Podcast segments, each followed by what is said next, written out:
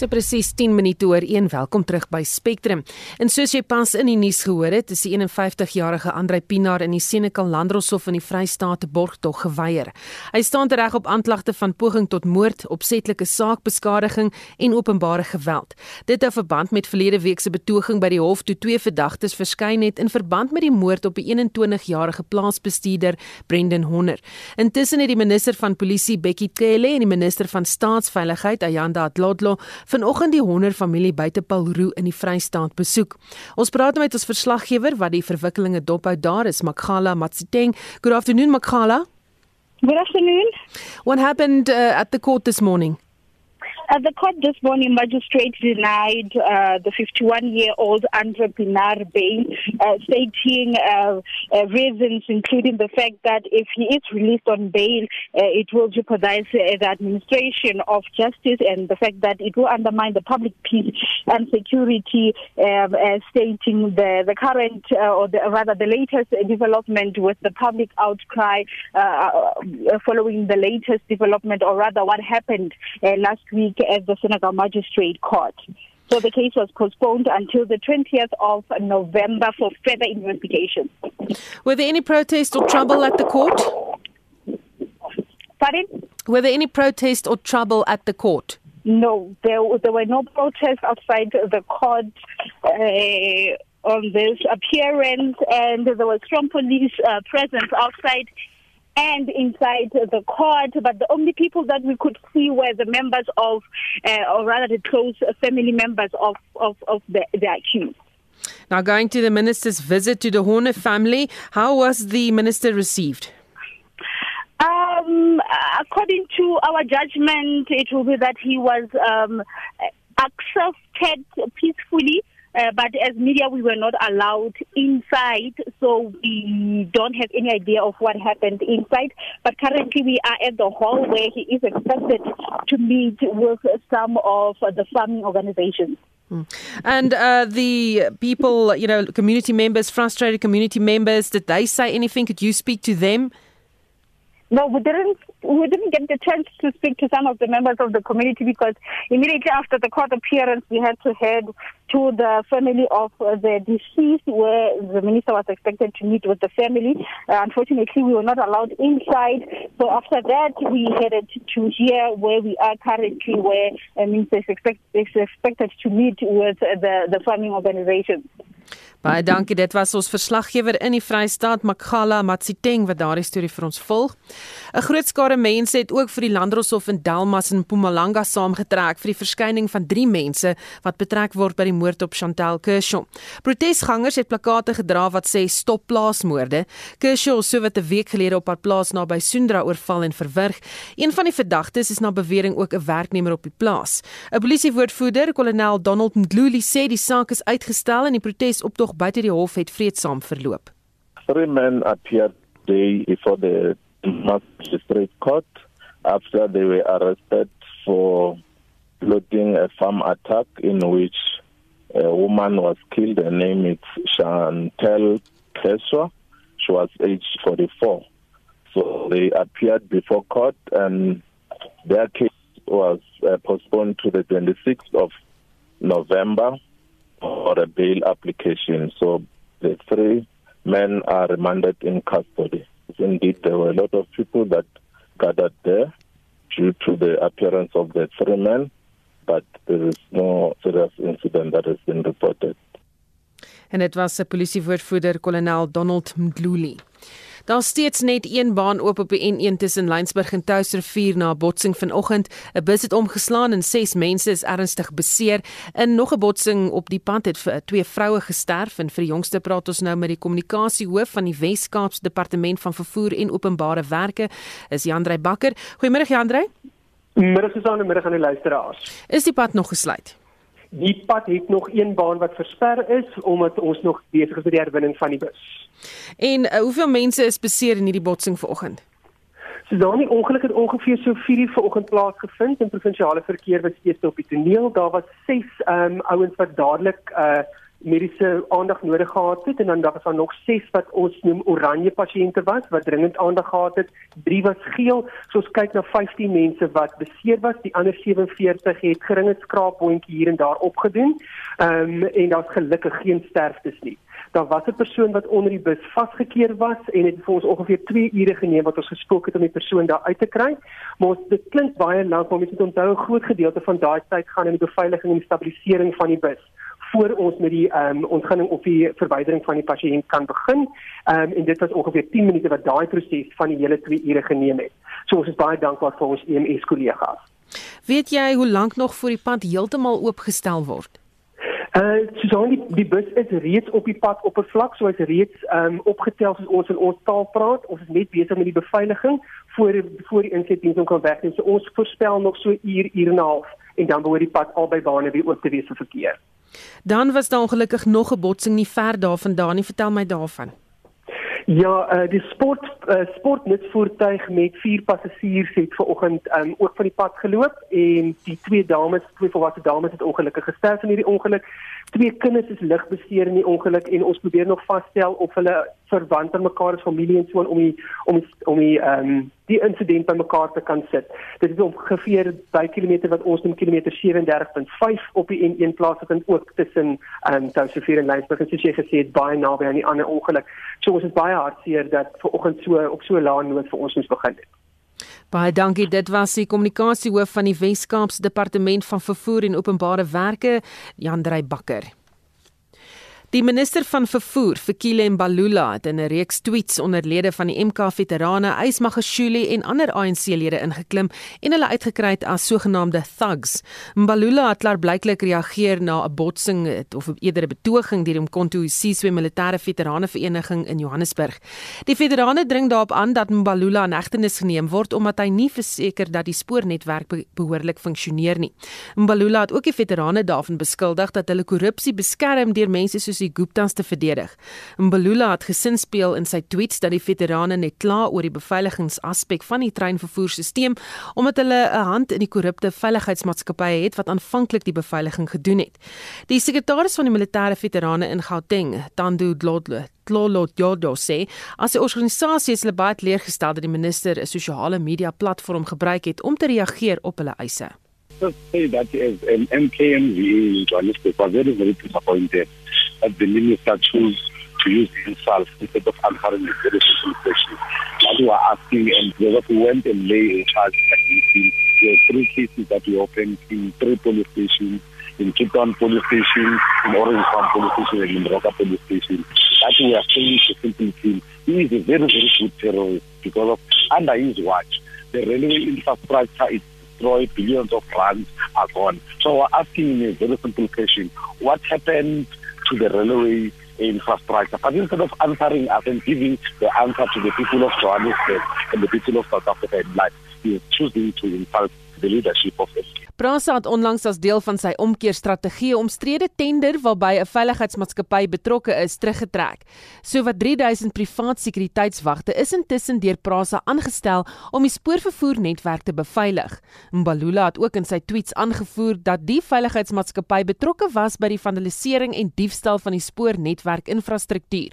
Jojo sê die minister moet sy stelling dat die MK veterane betrokke was hierby bewys. Must go and open up a case because people cannot just willy-nilly go and say that if the MKMDA was making money. If then MKMDA was making money at Prafa, then people must go and open up cases and say this one and this one and this one was making money. As far as we're concerned, there is nobody who needs money. The security contract, you see, if if I move from my old house to my new house, the first thing that I do, I must make sure that there is security in the new house. Because if I, if I, if I take up my furniture to the new house and to the old house, so I must make sure that both houses are guarded. So what we are raising is that there was a security, security company's contract were terminated. But while there was no contingency plan in making sure that once the security uh, contracts are terminated, then automatically there is another security company that are going to take over. Jojo sê die minister ontneem Suid-Afrikaners toegang tot 'n goedkoop manier van vervoer deur toe te laat dat die netwerk afgebreek word. I'm saying we are using we are using a member if I want to go and register for my children So I must take a train because it's the cheapest mode of transport. I must take the train from Shawela station that takes me to Park Station. From Park Station, I take a train that takes me to Pretoria. So it is the most cheapest mode of transport. But furthermore, let me explain this thing. We as Mkoto we are with the people and we are with the truth. So the people of South Africa who are poor of the poorest cannot access the cheapest mode of transport. That is what we are trying to raise here. We are raising it constantly because we are staying in location. I think so whatsoever when I don't have money, most of us, 90% of us are not working. So I'm going to use train from Cape Town to Johannesburg when I have to travel. So it, it, it cannot be it cannot be that we're going to reduce this. We're saying that the people of South Africa, the safest poor of the poor, the security guards, the people who are working in the retail, the students themselves are using train to commute from one station to the other. En dit was die sekretaris van die militêre veterane in Gauteng, Tando Tlolo Jojo. Die ondersoekbeampte Pieter Plaatjies het vanoggend tydens pastoor Timothy Omotonso se borgtog aansoek in die Hooggeregshof in Port Elizabeth getuig. Plaatjies sê van die getuies in die saak is te bang om in die hof te verskyn. Omotonso se mede-beskuldiges, Sukiso Asitu en Lusanda Solane het reeds borgtog ontvang en vir die jongste oor die borgtog aansoek praat ons met ons verslaggewer Veronica Fourie. Goeiemôre Veronica. Goeiemôre Susan. Wat het plaatjies getuig? Hy het verder getuig oor hoekom die meisies uh bang is om te getuig. Hy sê nie net van die uh slagoffers is bang om te getuig nie, maar selfs ook lede van die ondersoekspan omdat hulle uh, dreig SMS'e gekry het. Nou die hele storie oor die SMS'e is nou uh, 'n kwelpunt want die verdediging wil nou weet wie is die mense? Hulle soek die name van die uh, slagoffers wat nou ehm um, van die SMS'e gekry het want hulle sê as hulle nie die name het nie dan bly dit net beweringe. En nog 'n kwessie oor die boodskappe is dat dit in verskillende van dit is in Engels geskryf en ander is in verskeidenheid Afrika tale geskryf. So dit moet dan nog vertaal word. Nou sê hulle maar hoe kan die ondersoekbeampte sê dit is regamente as hy nie eers weet wat die inhoud daarvan is nie. Ehm um, so ons wag nou nog dat daar iemand met opdrag by die hof wat vir ons al hierdie boodskappe kan vertaal. En ehm um, Hy het ook gesê ehm uh, daar's een boodskap wat in Engels geskryf is wat nogal heel grafies is van iemand wat gedreig het om een van die uh, getuies ehm um, seksueel aan te rand en uh, dit sou baie ernstig wees en dit kan dit behoort dan tot dood te lei. Ek wil nou nie die spesifieke woorde herhaal nie, dit is te ontstellend. En ehm um, so die uh, hele storie gaan nou uh, verder ehm uh, die kruisondervraging gaan nou gaan oor hoekom hulle die naam wil hê en die staat moet nou aanvoer hoekom wil hulle nie haar naam nou bekend maak nie. Die die spesifieke ene wat nou in Engels gestuur is nie want hulle sê dit sal haar uh, veiligheid in gedrang bring hoewel haar selnommer verander het en haar adres het verander sy kan wel later getuig en dan kan sy besluit of sy haar identiteit wil openbaar gemaak het al dan nie So dit is waar die saak nou op die oomblik staan. Die borg aansoek moet nou al Vrydag klaar gemaak het en dit is nog steeds aan die gang en ek voorsien verdere onderbrekings van die advokaat vir die verdediging vir die prys is juis nie vir die res van die week beskikbaar nie omdat hy pas is met 'n ander saak in Oos-London. So ek is um, die hoofsaak is ook uitgestel tot volgende week uh, ons sit maar nog op 'n op 'n mespunt om te wonder wat gaan gebeur die kant toe of daai kant toe. Was daar ondersteuning by die hof? Die ondersteuning by die hof is vanoggend uh, ja, wat minder as wat dit nou gister was. Dit is 'n uh, bietjie koel cool vanoggend in in die baai en die wind waai. So hier is 'n paar ondersteuners, maar hulle is maar stillerig vanoggend en ek moet ook sê die pastoor self is nie meer so flamboyant soos wat hy altyd was nie. Hy het ons altyd baie grand aangetrek met sy frilletjies hemde en fluweel baadjies en blinkleer skoene en so aan, maar deesdae het hy meeste van die tyd dieselfde broek en dieselfde hemp aan. Ehm um, en uh, hy het ook gister gevra of hy net asseblief 'n trui kan kry nie. Daar's blykbaar 'n kwessie in die uh, by die tronk en by die selle hier by die hof dat hy nie uh, onnodige klere mag kry nie as gevolg van COVID reëlings. Maar die hof het toegelaat dat hy nou sy trui kan kry. Maar hy het altyd nog elke dag die Bybel by hom. Baie dankie. Dit was Veronica Fourie, ons verslaggewer in Port Elizabeth.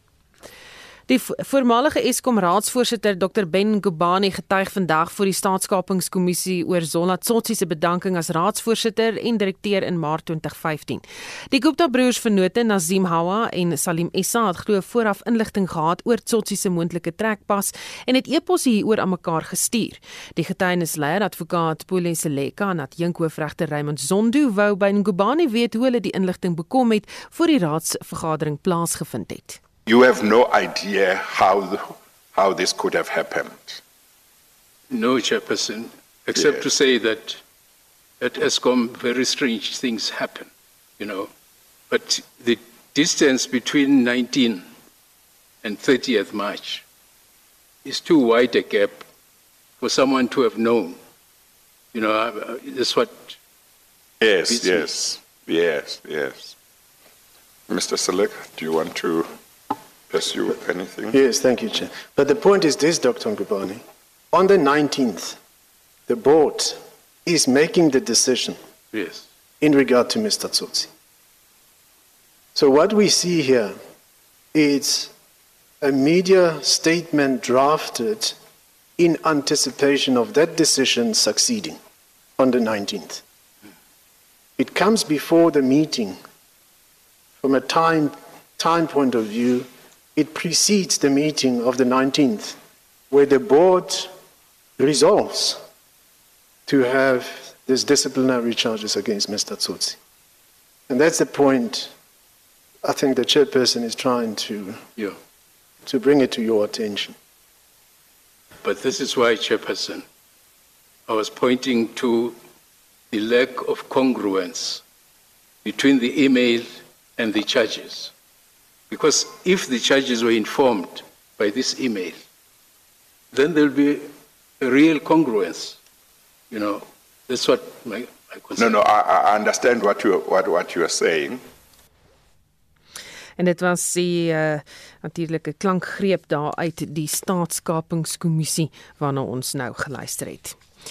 Die SAIK en vakbonde is steeds besig met voorleggings by die kommissie vir versoening, bemiddeling en arbitrasie. Die openbare uitsaaier het vroeër kennis gegee van 'n artikel 189 kennisgewing en gesê 600 permanente werkers kan hulle werk verloor. Vakbonde argumenteer dat dit nou onnodig is en dat die SAIK byna by die teiken is. Die woordvoerder van die vakbond Bemau, Hannes Tobison sê verder dat die SAIK doelbewus die onderhandelinge sloer. Ons is tans nog steeds besig met die uh, konsultasieproses, uh, baie frustrasies met daardie proses spesifiek omdat ons inligting aanvra van die SAIK en dan word daardie versoeke moetswillig anders geïnterpreteer en dan kry ons of nie die inligting nie of ons kry die inkorrekte inligting, nie die regte inligting nie. Maar ons is besig om 'n vordering te maak met die proses. Die rasionaal, die suiwer rasionaal is uh, redelik goed bespreek tot dusver en wat nou volg is die struktuur wat die SAIK besig is om aan te bied. Dit het gister gebeur. Hulle het begin om daardie struktuur aan te bied. Die um, groep uitvoerende hoof het eers sy struktuur op die hoogste vlak aangebied en daar het die ander van die ander departemente toe gevolg. Die proses is nog nie voltooi ten opsigte van daardie aanbiedings nie en komende Vrydag sal ons dan voortgaan met daardie proses onder leiding van die uh, eh, CCMA. Wat is julle standpunt oor die stand van die onderhandelinge en die omstandighede by die SAIK tans? Die die probleem wat ons het tans is die feit dat daar was natuurlik 'n uh, dreigement gewees vroeër uh, laasweek dat die SAIK gaan voortgaan om afdankingsbriewe of afleggingsbriewe uit te reik. Hulle bewering was dat die uh, van die partye is besig om die konsultasieproses te frustreer om dit te vertraag Dit is natuurlik nie die waarheid nie. Die enigste persone tot dusver wat daardie proses vertraag het, is die SAIK self omdat hulle bloot net nie die inligting wat ons um, aanvra betyds verskaf nie. Ons kry partykeer daardie inligting op die oggend van die konsultasie, dan het ons nie uh, geleentheid gehad om weer daardie daardie inligting te gaan nie. Daar's baie gate in die SAIK se aanbieding. Dit maak ons erg bekommerd. Die SAIK het byvoorbeeld in 'n dokument aan ons uh, voorgehou dat die SAIK se groepshoofbenaminge moet verander omdat daar nie meer groepe maatskappye bestaan binne die SAIK nie terwyl daar in die jongste aanbieding van gister nog steeds daardie titels voorgehou word uh, vir groepshoofde in die SAIK. Ons is van mening dat uh, daardie titels dan moet verander en dat dit dan ander poste is en ons het aan die SAIK voorgehou dat hulle hele topstruktuur dan ook um, in lyn met hulle kennisgewings behoort aansoek te doen vir hulle eie werk. Dit het nie wel afgegaan met die SAIK nie. Hulle was redelik ontstel daaroor en uh, dit is nie duidelik of uh, dit wel gaan gebeur nie. Ons is natuurlik van mening dit moet gebeur want daar is 'n groot verskil tussen 'n groepshoof en 'n hoof van 'n maatskappy en teenoor een inkomstig behoort hulle salarisse dan ook aangepas te word. So ja, daar is 'n redelike uh, redelike robuuste proses wat aan die gang is en ons probeer natuurlik om die SAIK se rasionaal behoorlik te toets om seker te maak dat daar nie foute gemaak word nie die syfers van personeel in terme van hulle jongste aanbiedinge is dat die SAIK um, min of meer 100 werknemers kort is van hulle uh, beoogde 600. Hulle is egter van mening dat dit nie relevant is nie en hulle gaan voort met die uh, die aflegging van of die beplande aflegging van min of meer 600 uh, werknemers. En dit was die woordvoerder van die vakbond Bemau, Hannes Dubison. Jy luister na Spectrum elke weekmiddag tussen 1 en 2.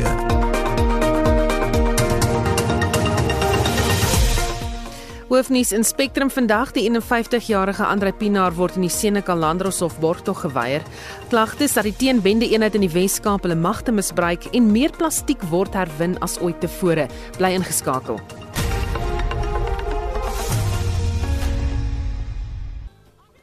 1337 jy luister na Spectrum. Die Wes-Kaapse Polisie Ombudsman ondersoek die teenbende eenheid weens polisiewreedheid en onetiese optrede in die provinsie. Die eenheid is in November 2018 begin en ombend dit is 'n ombende aktiwiteit in Kaapstad te ondersoek. Die ALR vir gemeenskapsveiligheid Albert Fritz het egter talle klagtes van die publiek ontvang en in die Wes-Kaapse Polisie Ombudsman Johan Brandt betrek. Brandt sê dat hulle nie net klagtes van Fritz ontvang het nie, maar ook van gemeenskappe in die Kaapse metropool. Ek kan bevestig dat my kantoor, die Wes-Kaapse Provinsiale Polisie Ombudsmanskantoor, klagtes ontvang het van verskeie lede van die gemeenskap dat die Suid-Afrikaanse Polisie Diens en meer spesifiek die lede van die teenbende eenheid van die Polisie Diens in die Wes-Kaap hulle magte misbruik wanneer dit kom by die deursoeking van persele deur dit die verkeerde adresse uh, deursoek word mense in op die strate onnodig gedeursoek word sonder dat daar werklike redes is om hulle te deursoek en dat daar in die algemeen misbruik van magte deur die lede van die teenbende eenheid is. Nou Johan, hoe kan burgers ook hulle insette lewer? So mense wat uh, voel hulle wil kommentaar lewer na aanleiding van hierdie klagtes is meer as welkom om dit te doen en hulle kan dit stuur aan ons kantoor by ombudsman at wcpo wat staan vir Western Cape Police Ombudsman.gov.za. Ek herhaal die e-posadres is ombudsman@wcpo.gov.za. Jy kan dit ook per faks stuur aan 0214830660. Vir enige navrae kan my kantoor geskakel word van 'n maandag tot 'n Vrydag tussen 8 en 4 by telefoonnommer 0214830669. En watter tipe klagtes het julle ontvang? Die klagtes is gaan hoofsaaklik daaroor dat die lede van die bende eenheid en die Wes-Kaapse polisie nie die gedragskode van die polisie diens nakom soos wat gepubliseer is nie. Tweedens dat hulle nie hulle mandaat nakom wat is om te misdaad te voorkom, te bestry en te ondersoek om die inwoners van die Republiek van Suid-Afrika en hulle eiendom te beskerm en te beveilig en om die reg te handhaaf en toe te pas soos voorgeskryf in artikel 205 3 van die grondwet van die Republiek van Suid-Afrika nie. Dit is ook belangrik dat mense kommentaar van enige aard na ons kantoor toe moet stuur sodat ons 'n objektiewe verslag kan uitreik en dat ons bevindinge gegrond is op ehm um, die nodige inligting wat versamel word deur middel van die kommentaar. En dit was die Weskaapse Polisie Ombudsman Johan Brandt en hy het met Vincent Mofokeng gepraat. Goudproduksie het jaar op jaar met 14,8 indekspunte in Augustus gedaal teenoor Julie se 10,1%. Goud was die grootste negatiewe bydraer tot die jongste produksiesyfers wat deur Statistiek Suid-Afrika bekend gemaak is. En ons praat nou met Dr. Chris Harmse van CH Economics daaroor. Goeiemôre Chris. Goeiemôre Susan. Kom ons kyk gou na die statistiek. Kyk, mynbouproduksie is nog altyd 'n baie belangriker aanduider oor die oor die weet oor wat is die temperatuur in die ekonomie nog altyd. Uh mense ek het al vir mense gesê dat onthou die 2018 resessie was dit die landbou as gevolg van die swak uh oeste as gevolg van die groot droogtes in die Wes-Kaap veral en die mynbouproduksie. Rekening nie in daai 2018 resessie ingedruk het. Uh wat wel waar nou is, is dit blyk my dit kan die krag wees om hierdie ekonomie as ons jy om te swaai nie, maar dat ons onsself kan buffer teen ehm um, negatiewe koerse van uh 8, 9, 10%. Uh en hy is een van drie ekonomiese aanwysers wat nou besig is om baie skielik uh amper 'n seeformasie te begin herstel. So as ons kyk daarna, mynbouproduksie het gedaal in Augustus met 3.3%, uh, dis nou jaar op jaar op die vorige Augustus.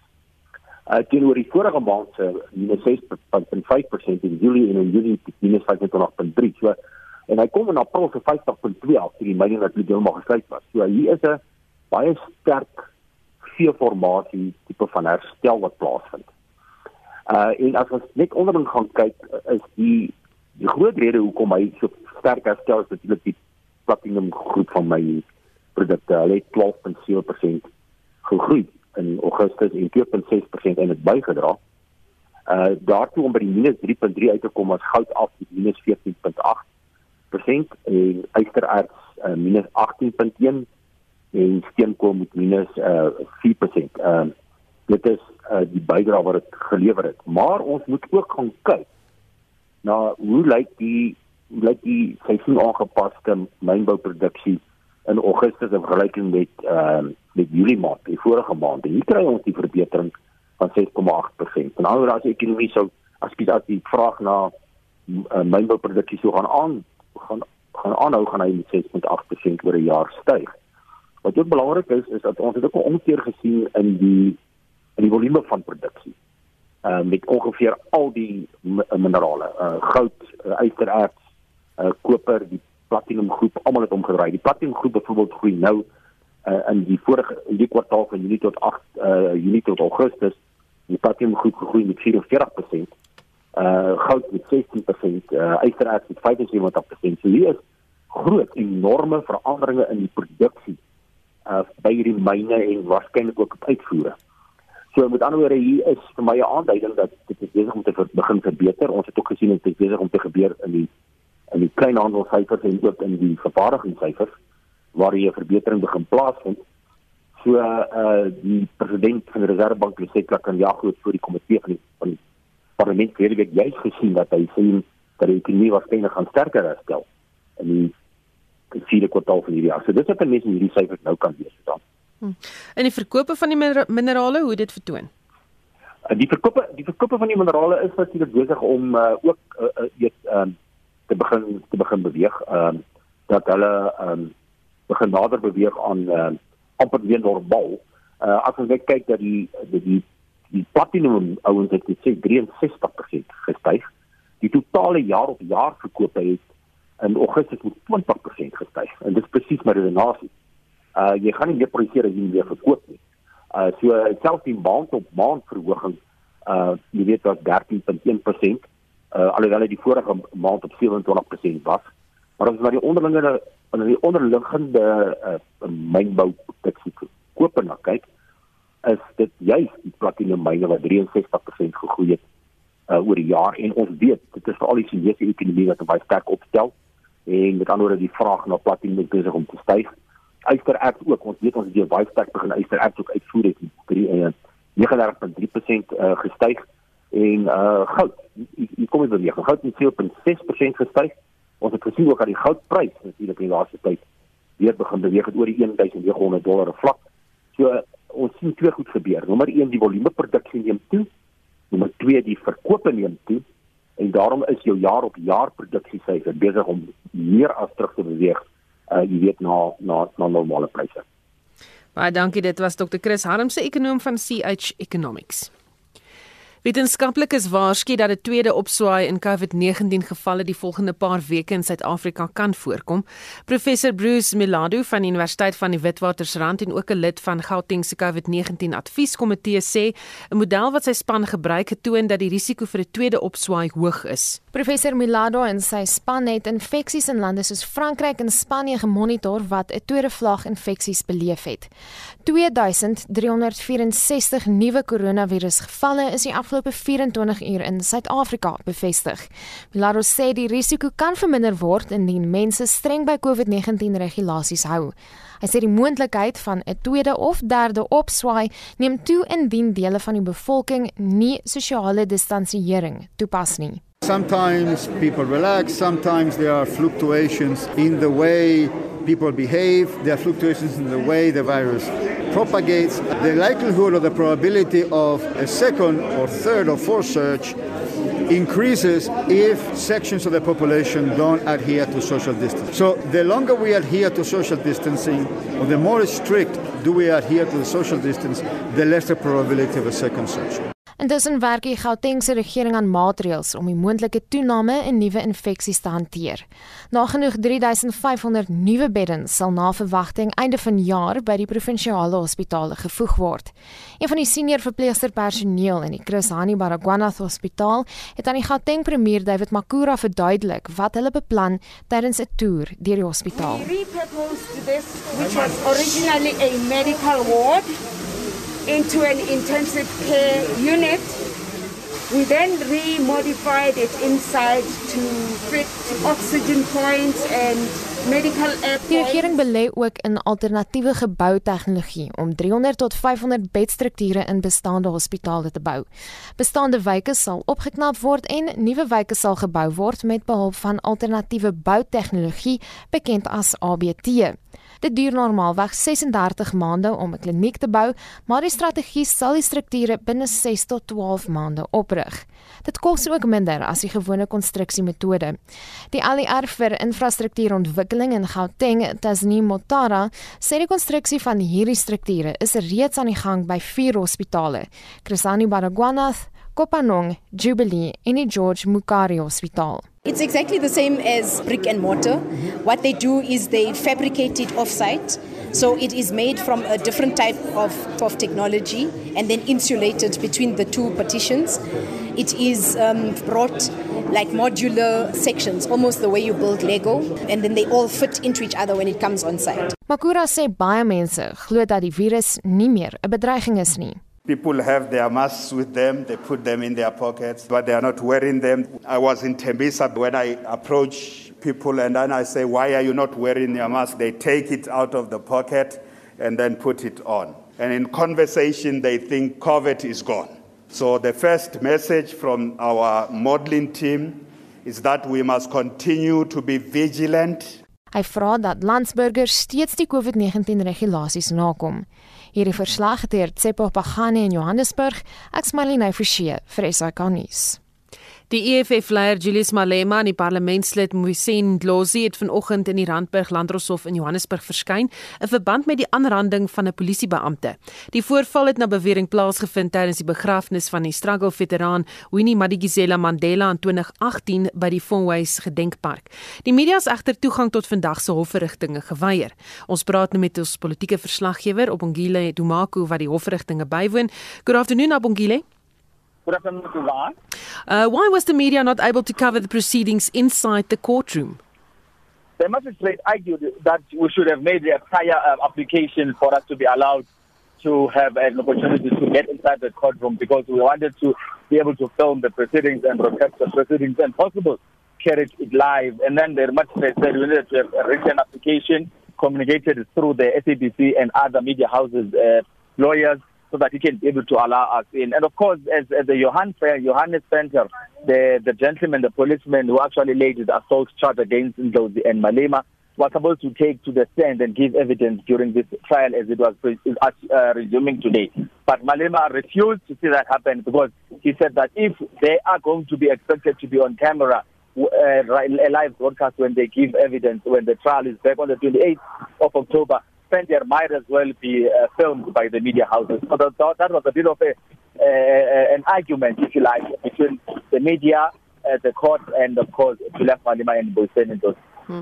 Julius Malema spoke to the media before proceedings started. What did he say? He said that at uh, Fenter, Johannes Fenter, the policeman, is actually taken live. Uh, his uh, evidence is streamed live, as is going to be the case with them and with Senin Josie. He also said that uh, he's for a free, a free and fair, open trial. Uh, of course, I've just said that it has been postponed now to the 28th of October. That's where the trial will resume. That's where witnesses will be called. Julius Malema says he's looking forward to that. Just now, he spoke to the thousands of supporters uh, of the EFF who have gathered outside the magistrate court in Randburg, saying that uh, this is just the tip of the iceberg. They are going to be back here uh, on the 28th and the 29th of October in their thousands to make sure that they just cause chaos. He even said uh, around in and around the you know the magistrates court here in Randburg. We don't know if that's going to be the case because we've seen quite a police, a heavy police uh, uh, presence today. We don't know if that's going to be the same case now uh, when they come on the 28th of uh, of October. Baie dankie, dit was ons politieke verslaggewer Abongile Dumako. Ons beweeg na die sportveld met Shaun Jooste. Ons vol weg met tennisnuus. Suid-Afrika se Lloyd Harris het 'n taai eerste ronde kragmeting in Duitsland wanneer hy later vandag teen die Brit Carl Edmund op die baan uitstap. Edmund se landsgenoot Andy Murray is ook vanaand teen die Spanjaard Fernando Verdasco in aksie. In die eerste ronde van die dubbelspel kom Suid-Afrika se Ryan Klassen en sy spanmaat Oliver Marag van Oostenryk teen die plaaslike Alexander en Mischa Zverev te staan. Nog 'n Suid-Afrikaner, Kevin Anderson, is intussen aangewys as die president van die ATP se Raad van Spelers. Die voormalige wêreldnommer 5 was voorheen visie-president. Hy neem by die wêreldnommer 1 Novak Djokovic van Servië oor wat in Augustus reeds bedank het. Fietsry Week 2 van die 2020 Giro d'Italia begin vandag met die 10de skof wat 177 km lank is. Joel Mida van Portugal dra die voorloper se pink trui met Wilco Kelderman van Nederland en die Spanjaard Peo Bilbao tweede en derde.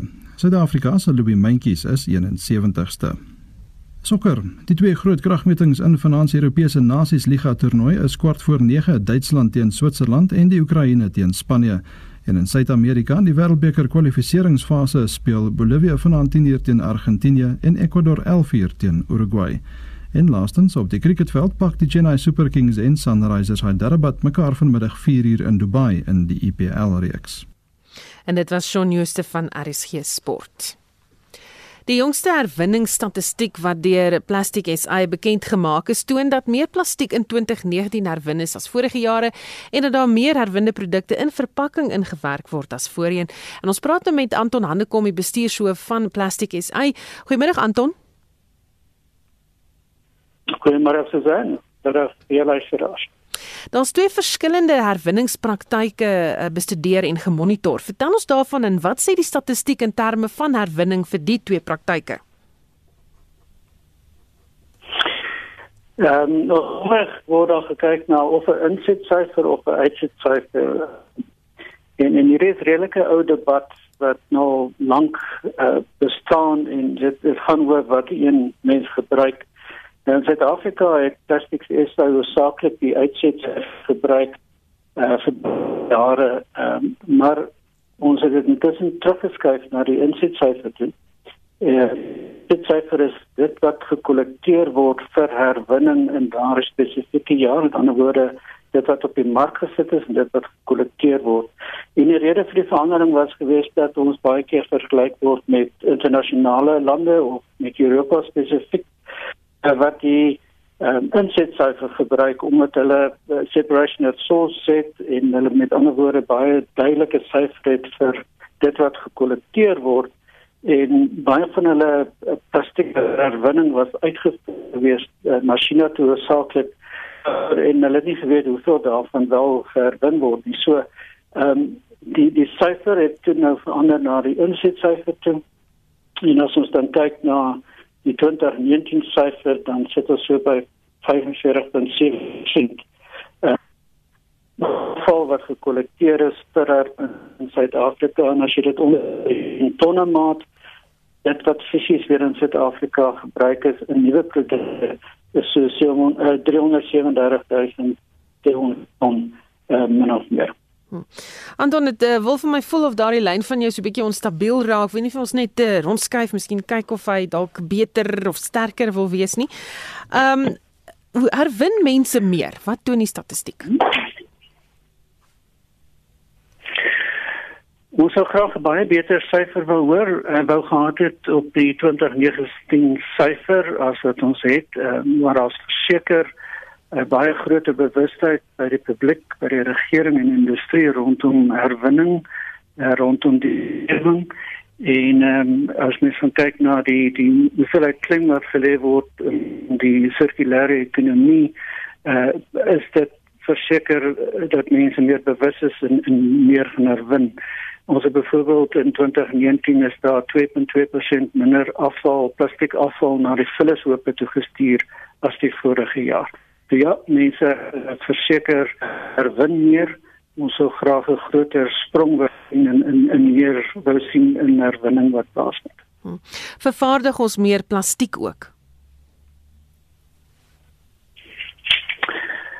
Uh, as mens uh, gaan kyk na die syfers vir vir 2019 dan ons so uh, net oor die 1 miljoen ton ehm um, plastiek vir gebruik om produkte te vervaardig waarvan die virgin materiaal die nuwe materiaal so net oor 1.5 miljoen ton is.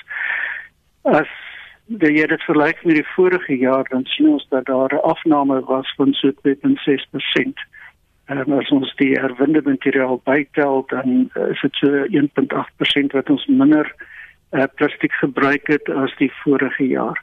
As mens die syfer gaan kyk na die laaste 10 dan sien ons dat die tonnemaat wat ons gebruik het vir die vervaardiging van produkte uit virgin materiaal uh, so met omtrent 20% gestyg het.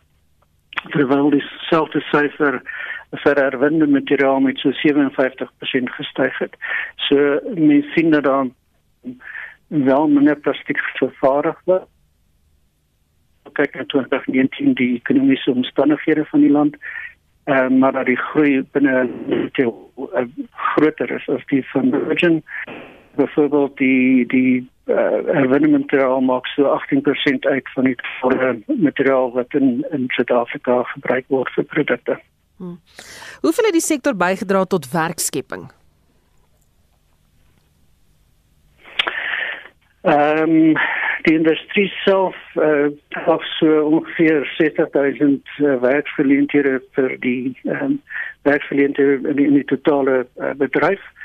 Maar as ons na na herwinning spesifiek dan sien ons dat in 2019 ehm um, so die orde van 2.1 miljard rand ingespuit is wat ingevloei het in die informele sektor en dit skiet ongeveer uh, 85 85000 ehm werksgeleenthede geskep uh, wat wat voorheen nie bestaan het nie so uh, dit dra grootliks by tot tot versketting in in Suid-Afrika Watter uitdagings is daar steeds vir julle? Groot deel van wat ons uh, nodig het is, is om seker te maak dat die materiaal ons strome kry. Ehm um, 34% van Suid-Afrikaners het een infrastruktuur of uh, afvalbestuur beskikbaar nie.